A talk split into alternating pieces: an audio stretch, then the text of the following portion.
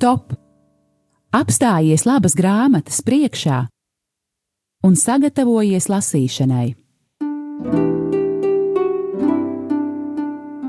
Grāmatzīme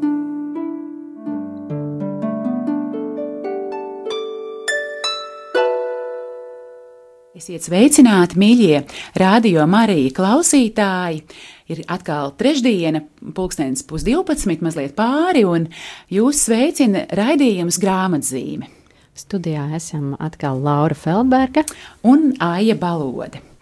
Un ir novembris mēnesis, un pagājušajā nedēļā saistībā ar lielajām dienām, novembra sākumā, ar visu svēto dienu un dvēseli dienu, notika daudz dievkalpojumu, un vienu no šādiem dievkalpojumiem arī translēja Radio Marija mūsu raidījuma laikā, tāpēc tiekamies ar jums pēc nelielas pauzes, bet tāpēc tieši ceram, ka jūs, mīļie klausītāji, esat sailgojušies un labprāt noklausīsieties mūsu sakāmo šodien.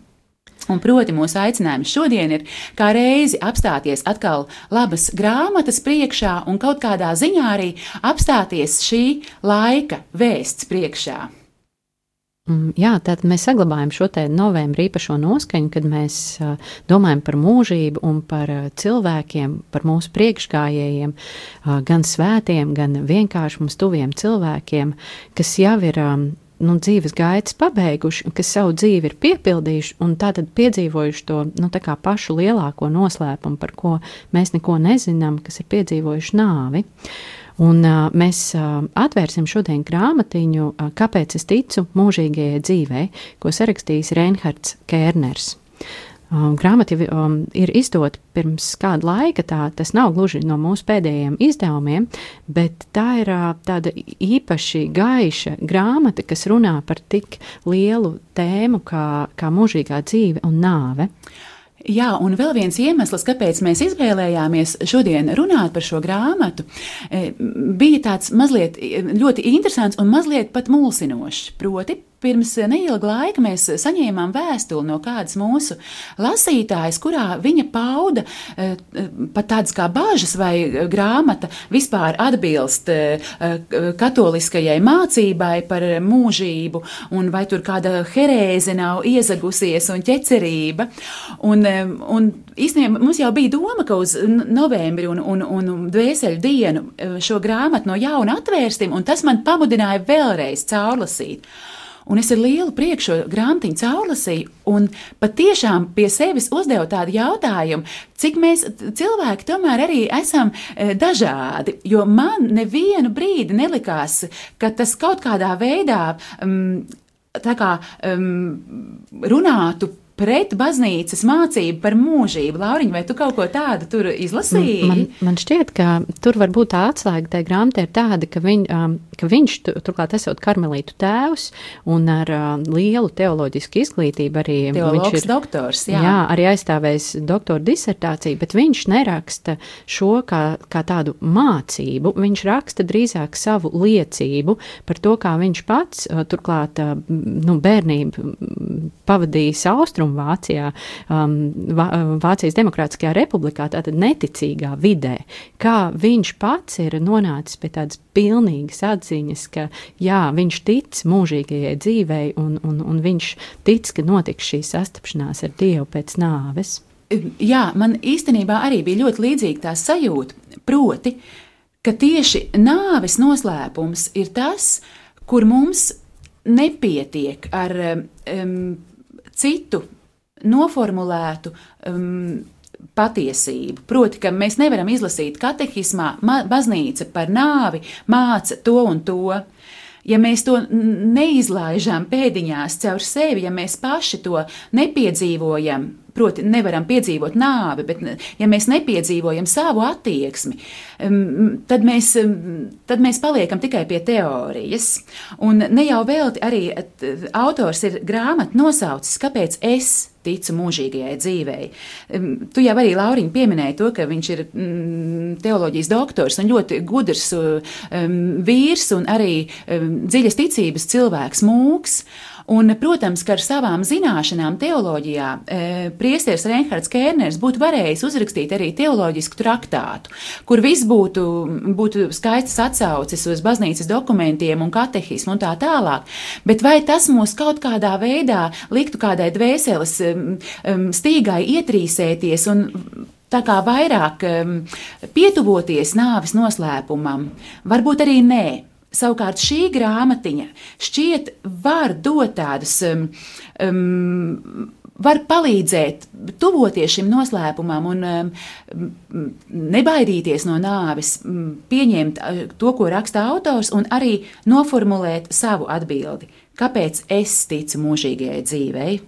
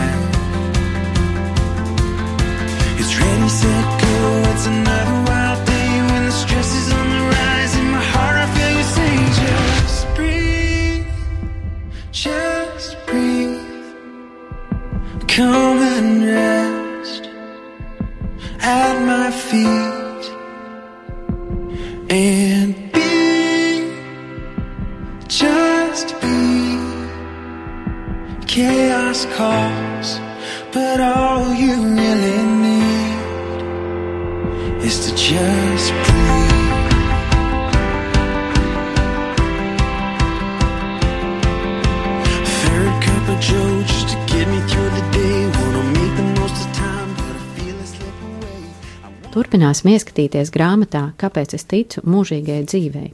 Un grāmatas autors Reinhards Kerners raksta, ka pat uh, būdams priesteris, viņš nav īpaši daudz domājis par nāvi līdz apmēram savas dzīves 40. gadam, kad uh, viņš piedzīvo tādu, tā, tādu lielu dvēseles satricinājumu, un viņš uh, sāka domāt par to, ka um, tiešām arī viņu pašu personiski šī nāves kars un visus tuvos cilvēkus, kas ir ap viņu.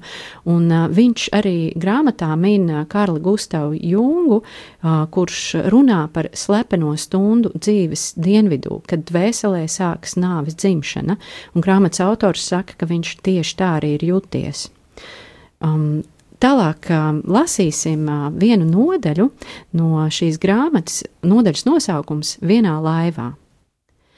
Es sapratu, ne virspusēji ar prātu, bet dziļi sirdī, ka mēs esam vienā laivā, visi, vai mēs būtu ticīgi, neticīgi, vai īsti ateisti, kristieši vai humanisti, jūdi, musulmaņi vai budisti, vai arī tie, kuros ir no visa pa druskai, visi Mūsu uzskati par jūru, kas nes mūsu dzīves laivu, var būt visdažādākie, bet kopš pastāv cilvēku atmiņa, mums par šo braucienu ir tā pati pieredze, proti, līdzbraucēji mirst, un ja tie mums bijuši tuvi, mēs ciešam par viņu zaudējumu, cits sāpīgāk, cik, cits mazāk sāpīgi. Mana brauciena ilgums ir ierobežots, vienalga, vai es ceļoju par to domājot vai ne, un laiks, kad tas beigsies, manā kalendārā nav atzīmēts. Daudziem no tiem, kas man ir iemīlējuši un šajā laivā sēž man blakus, kādu rītu būšu spiests paziņot, ka tiem tālāk jāērē bez manis. Un kas pēc tam? Neviens par to neko nezina. Neviens no tiem, kas ir laivā. Mēs pazīstam mēs pazīstam tikai pret mums dzīvajiem vērsto nāves pusi, mirušā līķi un tā nāves stingumu pārņemto seju. Te neko nemaina arī reanimēto stāsti par viņu pēcnāves pieredzi. Viņiem nav bijis, jā, par to šodien vairs nav nekādu šaubu, pēcnāves pieredzes, viņi ir guvuši miršanas procesa pieredzi, piedzīvojuši pēdējo brīdi pirms nāves.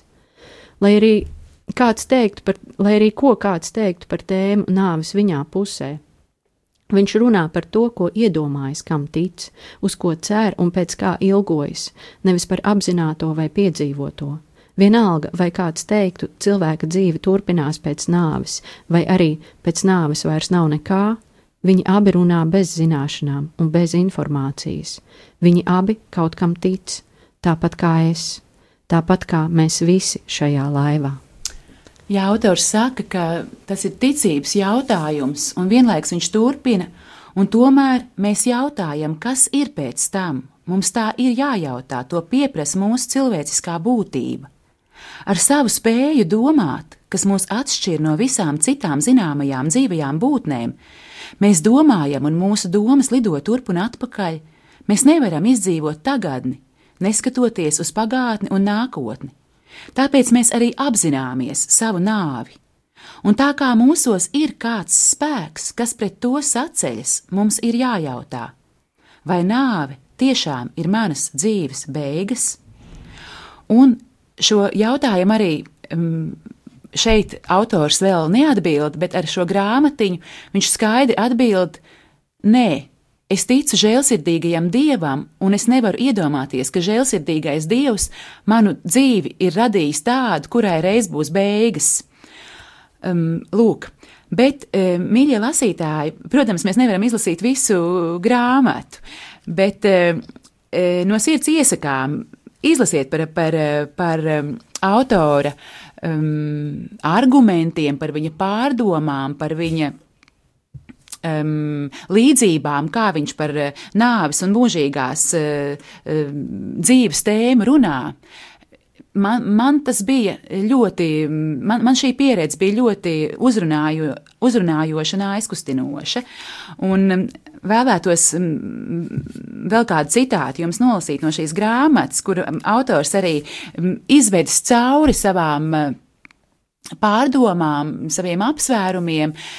Um, viņš atzīstās ticībā, ka reiz būs tas brīdis, kad mēs skatīsim Dievu vaigu vaigā. Lai kā arī notiktu šī skatīšana vaigu vaigā, vienam es ticu nešaubīgi. Es patiešām es pats skatīšu, cik brīnišķīgs, varens un skaists ir mūsu Dievs. Bet arī par citu esmu pārliecināts. Dievs uzlūkos mani, pievērsīsies man ar mīlestību, Pat manas damaskas stundas spožā gaisma šķitīs blāva šīs sastapšanās gaismas priekšā. Un tad, jā, tad es raudāšu, kā nekad neesmu raudājis. Ne, nevis tāpēc, ka Dievs man pārmetīs par to, ko esmu darījis ļaunu un neesmu darījis labu, bet tāpēc, ka Viņš man neko nepārmetīs. Dievs mani vienkārši uzlūkos un sacīs: Tu, Reinhard, Šajā skatienā un šajā uzrunā viss būs pajautāts un viss pateikts par viņu un par mani. Viss. Un tajā pašā brīdī es pilnīgi atzīšu savus mīļos un savus nemīļos, un tāpat tajā brīdī viņi pilnīgi atzīs mani.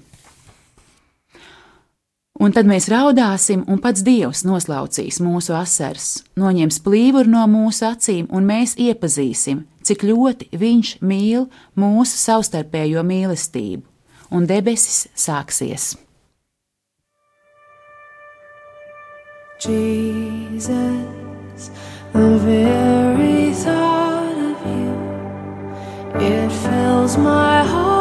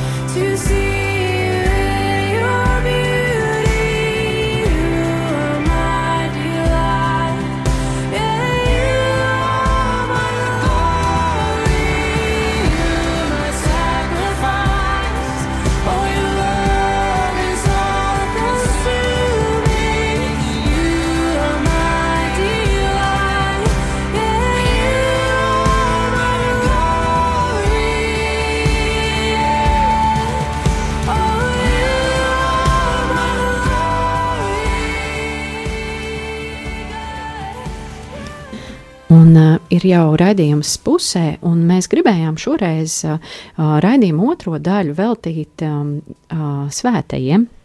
Uh, 2012. gadā um, Kala rakstu izdevniecība uzsāka tādu īpašu projektu, ka gada laikā katru mēnesi mēs izdevām tādu tā kā burtnīciņu ar nosaukumu Cilvēki kalnā, un šis izdevums bija veltīts svētajiem. Jā, um, 2012. gada 11. oktobrī sākās ticības gads, kuru um, izsludināja toreiz pāvests Benedikts 16. Un mums šķita, ka uh, kādu tādu uh, ticības stiprinājumu saviem lasītājiem mēs varētu piedāvāt no savas puses. Un mums šķita, ka labs veids būtu dot šo paraugu, kādu mums ir rādījuši svētie ka proti nevis izdot vēl kādu stāstu, kas ir uzrakstīts, eh, to iztulkot, bet izdot stāstu nevienu vienu, kas ir izdzīvots. Un proti tātad šos te stāstus, ko ar savu uh, dzīvi ir apliecinājuši svētie. Un uh, ļaujiet man šo mm, mūsu stāstu par cilvēkiem kalnā um, sākt ar mazu pastāstīņu savukārt uh, iz dzīves. Proti, mēs sākām maketēt šo žurnālu um, ar nosaukumu Pilsēta kalnā. Un mums bija skaists eh, izdomāts moto no Mateja evaņģēlīja: Jūs esat zemes sāls, jūs esat pasaules gaisma, pilsēta kalnā nevar būt apslēpta. Un tad, kad mēs gājām uz uzņēmumu reģistru, um, um, pieregistrēt šo žurnālu Pilsēta kalnā, Izrādījās, ka izdevums pilsētā kalnā jau ir. Aizmirst, manuprāt, tālsu, jā, pareizi tālsu. Um, Lutāņu draugas izdevums pilsētā kalnā mūs jau bija apsteidzis. Un sākumā man likās, ko nu, visa mūsu koncepcija sagrūst kā kāršu namiņš, bet pēc tam mēs savā starpā sapratām, pagaidi. Bet tieši tā, ne jau tas ir arī stāsts par, par Svēto Asīs Francisku. Ne jau e, mūris ir jāatjauno, bet, e, bet cilvēka iekšējā pilsēta kalnā ir jāatjauno. Proti, tā pilsēta kalnā, tas, e, tas spožais paraugs, uz ko mēs skatāmies, jau nav e, nedzīvi mūri, bet ir šie cilvēki, kas ir apliecinājuši Kristu ar savu dzīvi. Un tā radās izdevums Cilvēki kalnā, un um, uh, arī tāds tā kā logo uh, uz katra šī žurnāla vāka ir um, tāds tā kā vienkāršot attēlots kalns, kurā, kura virsotnē tuvojas cilvēku grupa. Viņi vēl nav tā kā varbūt pašā tajā virsotnē, bet viņi visi ir ceļā. Un par šo ir arī mm, šis te žurnāls, ka tie ir cilvēki, kuru dzīves ir šie te ceļa stāsti. Tas ir, um, nu, to var saukt par dzīves svētceļojumu, par dzīves ceļu. Viņi tā tad ir šajā kalnā kāpuši.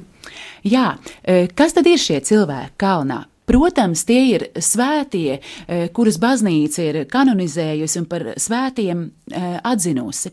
Eh, tie ir svētīgie, proti, kas jau ir mm, ceļā uz svētumu.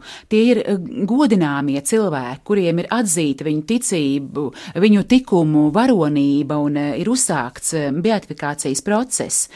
Tāpat starp cilvēkiem kalnā mums liels prieks ir par to, ka ir iezagušies vai arī ļoti apzināti ieintegrēti daži e, latviešu e, cilvēki kalnā. Proti, e, novembra izdevumā par godu Latvijas jubilejai mēs publicējām rakstu par trīs Latvijas priesteriem - par tēvu Viktoru Pēņķušu, par bīskapu Kazimieru Duļbīnski un tēvu Andrēju jeb Jāni Pavlovski. Un e, tāpat e, šajā gadā, kad mēs e, izdevām žurnālu Cilvēku kalnā, mūžībā aizgāja mūsu dzēnieks Imants Ziedonis. Un tajā brīdī mums šķita, jā, bet lai arī viņš varbūt ne no baznīcas tādas mācības puses runā par Dievu. Viņš runā no citas puses, caur savu dzēju, caur savu um, periodiku, caur savām, saviem rakstiem, bet arī viņš ir mūsu uh, cilvēks kalnā, kas mums, um, viens no tiem, kas mums liek pacelt uh, acis augšup, tostarp uz Dievu. Un arī um, Imants Ziedonis un viņa portretējums ir viens no cilvēkiem kalnā. Lūk, bet lai jums tā kā dotu vēl tādu ieskatu um, par to bagātību, kas ir šajā, šajos žurnālos, proti, ir tā, tad kopā iznāca 12 žurnāli, un katrā no tiem par kādiem um, pieciem līdz septiņiem cilvēkiem kalnā ir garāks raksts, garāks portretējums. Un tā kā mēs tagad esam um, novembra mēnesī, tad es atļaušos ieskicēt, um, par kādiem cilvēkiem kalnā ir um, lasāms novembra izdevumā. Un šīs mazās, mazās atsauces izdevuma uz, uz, uz, uz izdevuma aizmugurējā vāka liecina, nebīsties atvērt durvis Kristum. 78. gada 16. oktobrī uzrunājot pasauli sacīja jaunievēlētais pāvests Jānis Pāvils II. Gandrīz 30 gadus viņš pašaizliedzīgi veica Pētera pēcteču kalpojumu, sniedzot dziļi ticīga un garīga, intelektuāli bagāta un krietna cilvēka paraugu. 14. gada aprīlī pāvests Jānis Pāvils II tiek pasludināts par svēto. Tātad pirmais portretējums par viņu. Otrais - Dominikāņu brālis no Līmas Mārtiņš de Porres bija pirmais klosterbrālis ar tumšu ādas krāsu, kas saņēma Dominikāņu habitu. Brālis Mārtiņš, kas kalpoja cilvēkiem un rūpējās arī par dzīvniekiem, jau savas dzīves laikā tika dēvēts par svēto bet pēc Mārtiņa nāves, piesaucot viņa aizbildniecību, joprojām tiek pieredzēti brīnumi. Trešais portretējums - Ģērtrūde no Helftas. Bija viena no izcilākajām viduslaiku sievietēm, mistiķe, teoloģija un rakstniece, kuras darbi bija pazīstami visās Svētās Romas impērijas zemēs. Ģertrūdas vīzijas, kas aprakstītas viņas sacerējumos, liecina par dziļu mistisku vienību ar Kristu. Tālāk Elizabete no Ungārijas. Nelasīšu visu viņas aprak, to īso aprakstīnu, bet eh, uz vāka ir neliels ieskicējums žurnālā Vesels raksts. Vēl Giacomo Alberjone radošs priesteris, kas eh, pirmais sāk evanģelizēt caur um, radio un televīziju. Starp citu, um, varbūt arī ieteikums radio Marija, varbūt mēs varam tieši piesaukt Giacomo Alberjones um, aizbildniecību, lai viņš stāv klāt visām vajadzībām, visām, um, lai dod jaunas iedvesmas, kā piesaistīt sponsorus un ziedotājus. Tad, tad atceramies šo vārdu Giacomo Alberjone un novembra izdevumā varam par viņu vairāk izlasīt vēl beļģu jēzuītu brālis Jānis Bergmans, un visbeidzot jau trīs šie latviešu garīdznieki, kurus jau pieminējām. Piekritīsiet, jau milzīga bagātība, un tie ir tikai šie lielie raksti, kas vienā novembra izdevumā ir aprakstīti. Plus katrai dienai kāds neliels ieskicējums svētajam, kuru, kuru tajā dienā baznīca piemin. Piemēram, varam atvērt, kāds mums ir šodien datums - 9. novembris, O, Svētīgā Marija Karmena no bērna Jēzus. Domāju, ne mēs visi šādu māti Karmenu pazīstam. Varam šajā dienā izlasīt un, un piesaukt viņas aizbildniecību, lai Svētīgā Karmena mūs izved cauri šai dienai.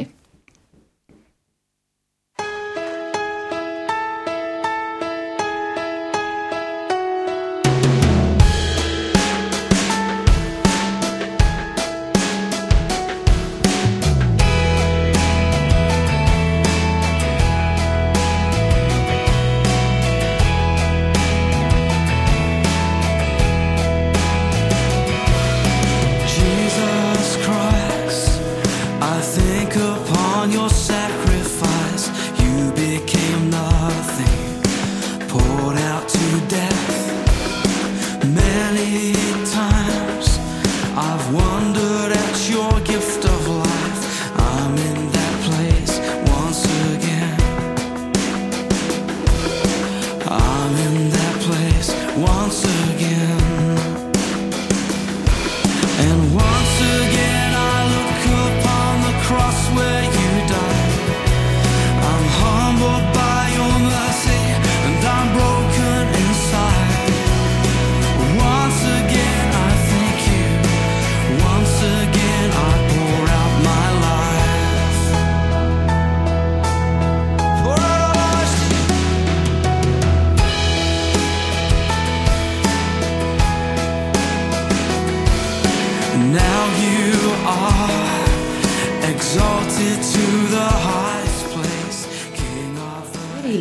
Žurnāla Cilvēka kalnā, kā jau mēs minējām, e, tika izdoti ticības gadā, kas ilga no 12. gada oktobra līdz 13. gada novembrim. Protams, ka šie izdevumi neko nav zaudējuši no savas aktualitātes. Proti, kā um, togad uh, cilvēki kalnā šie svētie varēja stiprināt mūsu ticību ar savu šo dzīves stāstu, tāpat tas ir arī šodien. Un um, mēs arī esam atvieglojuši mūsu lasītāju dzīvi, proti, tagad jums nav jāmeklē šie žurnāliņi pa vienam, mēs tos piedāvājam iegādāties visas kopā tādās skaistās zilās mapītēs, proti tādu cilvēku kalnā komplektu, kurā jūs uzreiz iegūstat visus šos 12 izdevumus, un kā jau es sākumā sacīju, tiešām teju pie simts šiem aprakstiem par, par dažādiem svētajiem, un nemaz neskaitīsim, cik daudz ir tie mazie tādi aprakstiņi, kur vienkārši īsi iepazīstina ar kādu brīnišķīgu dievu kalpu un mudina jau varbūt mūs meklēt ko vairāk. Un raidījuma izskaņā vēlreiz atgriezīsimies pie karmelītu tēva Reinharda Kērnera grāmatas Kāpēc es ticu mūžīgajai dzīvē, un vēl viens neliels citāts no šīs stāsta. Um, tātad uh, vispirms um, Reinhards Kerners runā par to, kā viņš ir bijis ārkārtīgi smagi slims, un um, kā arī viņa neticīgie draugi ir šajā brīdī to piedzīvojuši kā lielu satricinājumu un teikuši, tu zini, Reinhard, es neticu dievam un nelūdzos, bet laikā, kad tu biji reanimācijas notļājis, bieži domāju par tavu ticību un kaut kādā ziņā es sirdī cerēju, ka tavs dievs tev ļaus izveseļoties. Un Reinhards raksta. Ja Dievs neiz, neizjust vismaz to pašu, ko mani draugi un es, kas tad tā būtu par mīlestību? Vai viņš spētu mīlēt mazāk nekā šie cilvēki un mazāk nekā es? Un tas nu nekādā gadījumā nav iedomājams. Ja Dievs mani mīl, viņš neteiks, tā mīļo Reinhardt, tagad tu esi kļuvis 75, 80 vai 90 gadus vecs, esam pavadījuši kopā vairāk vai mazāk skaistu laiku, nu bet tagad prom aizmirstībā. Jā, Dievs noteikti tā neteica Reinhardam Kērneram, noteikti tā neteica šiem cilvēkiem kalnā. Ticēsim, ka Dievs tā noteikti neteiks arī mums. Paldies, mīļie klausītāji, ka noklausījāties mūsu šīs pārdomas par nāvi un mūžīgo dzīvi, un cerams, ka tās jūs iedvesmoja. Paldies, un tiksimies atkal raidījumā. Visu labu! Stop! Apstājies labas grāmatas priekšā un sagatavojies lasīšanai. Grāmatzīme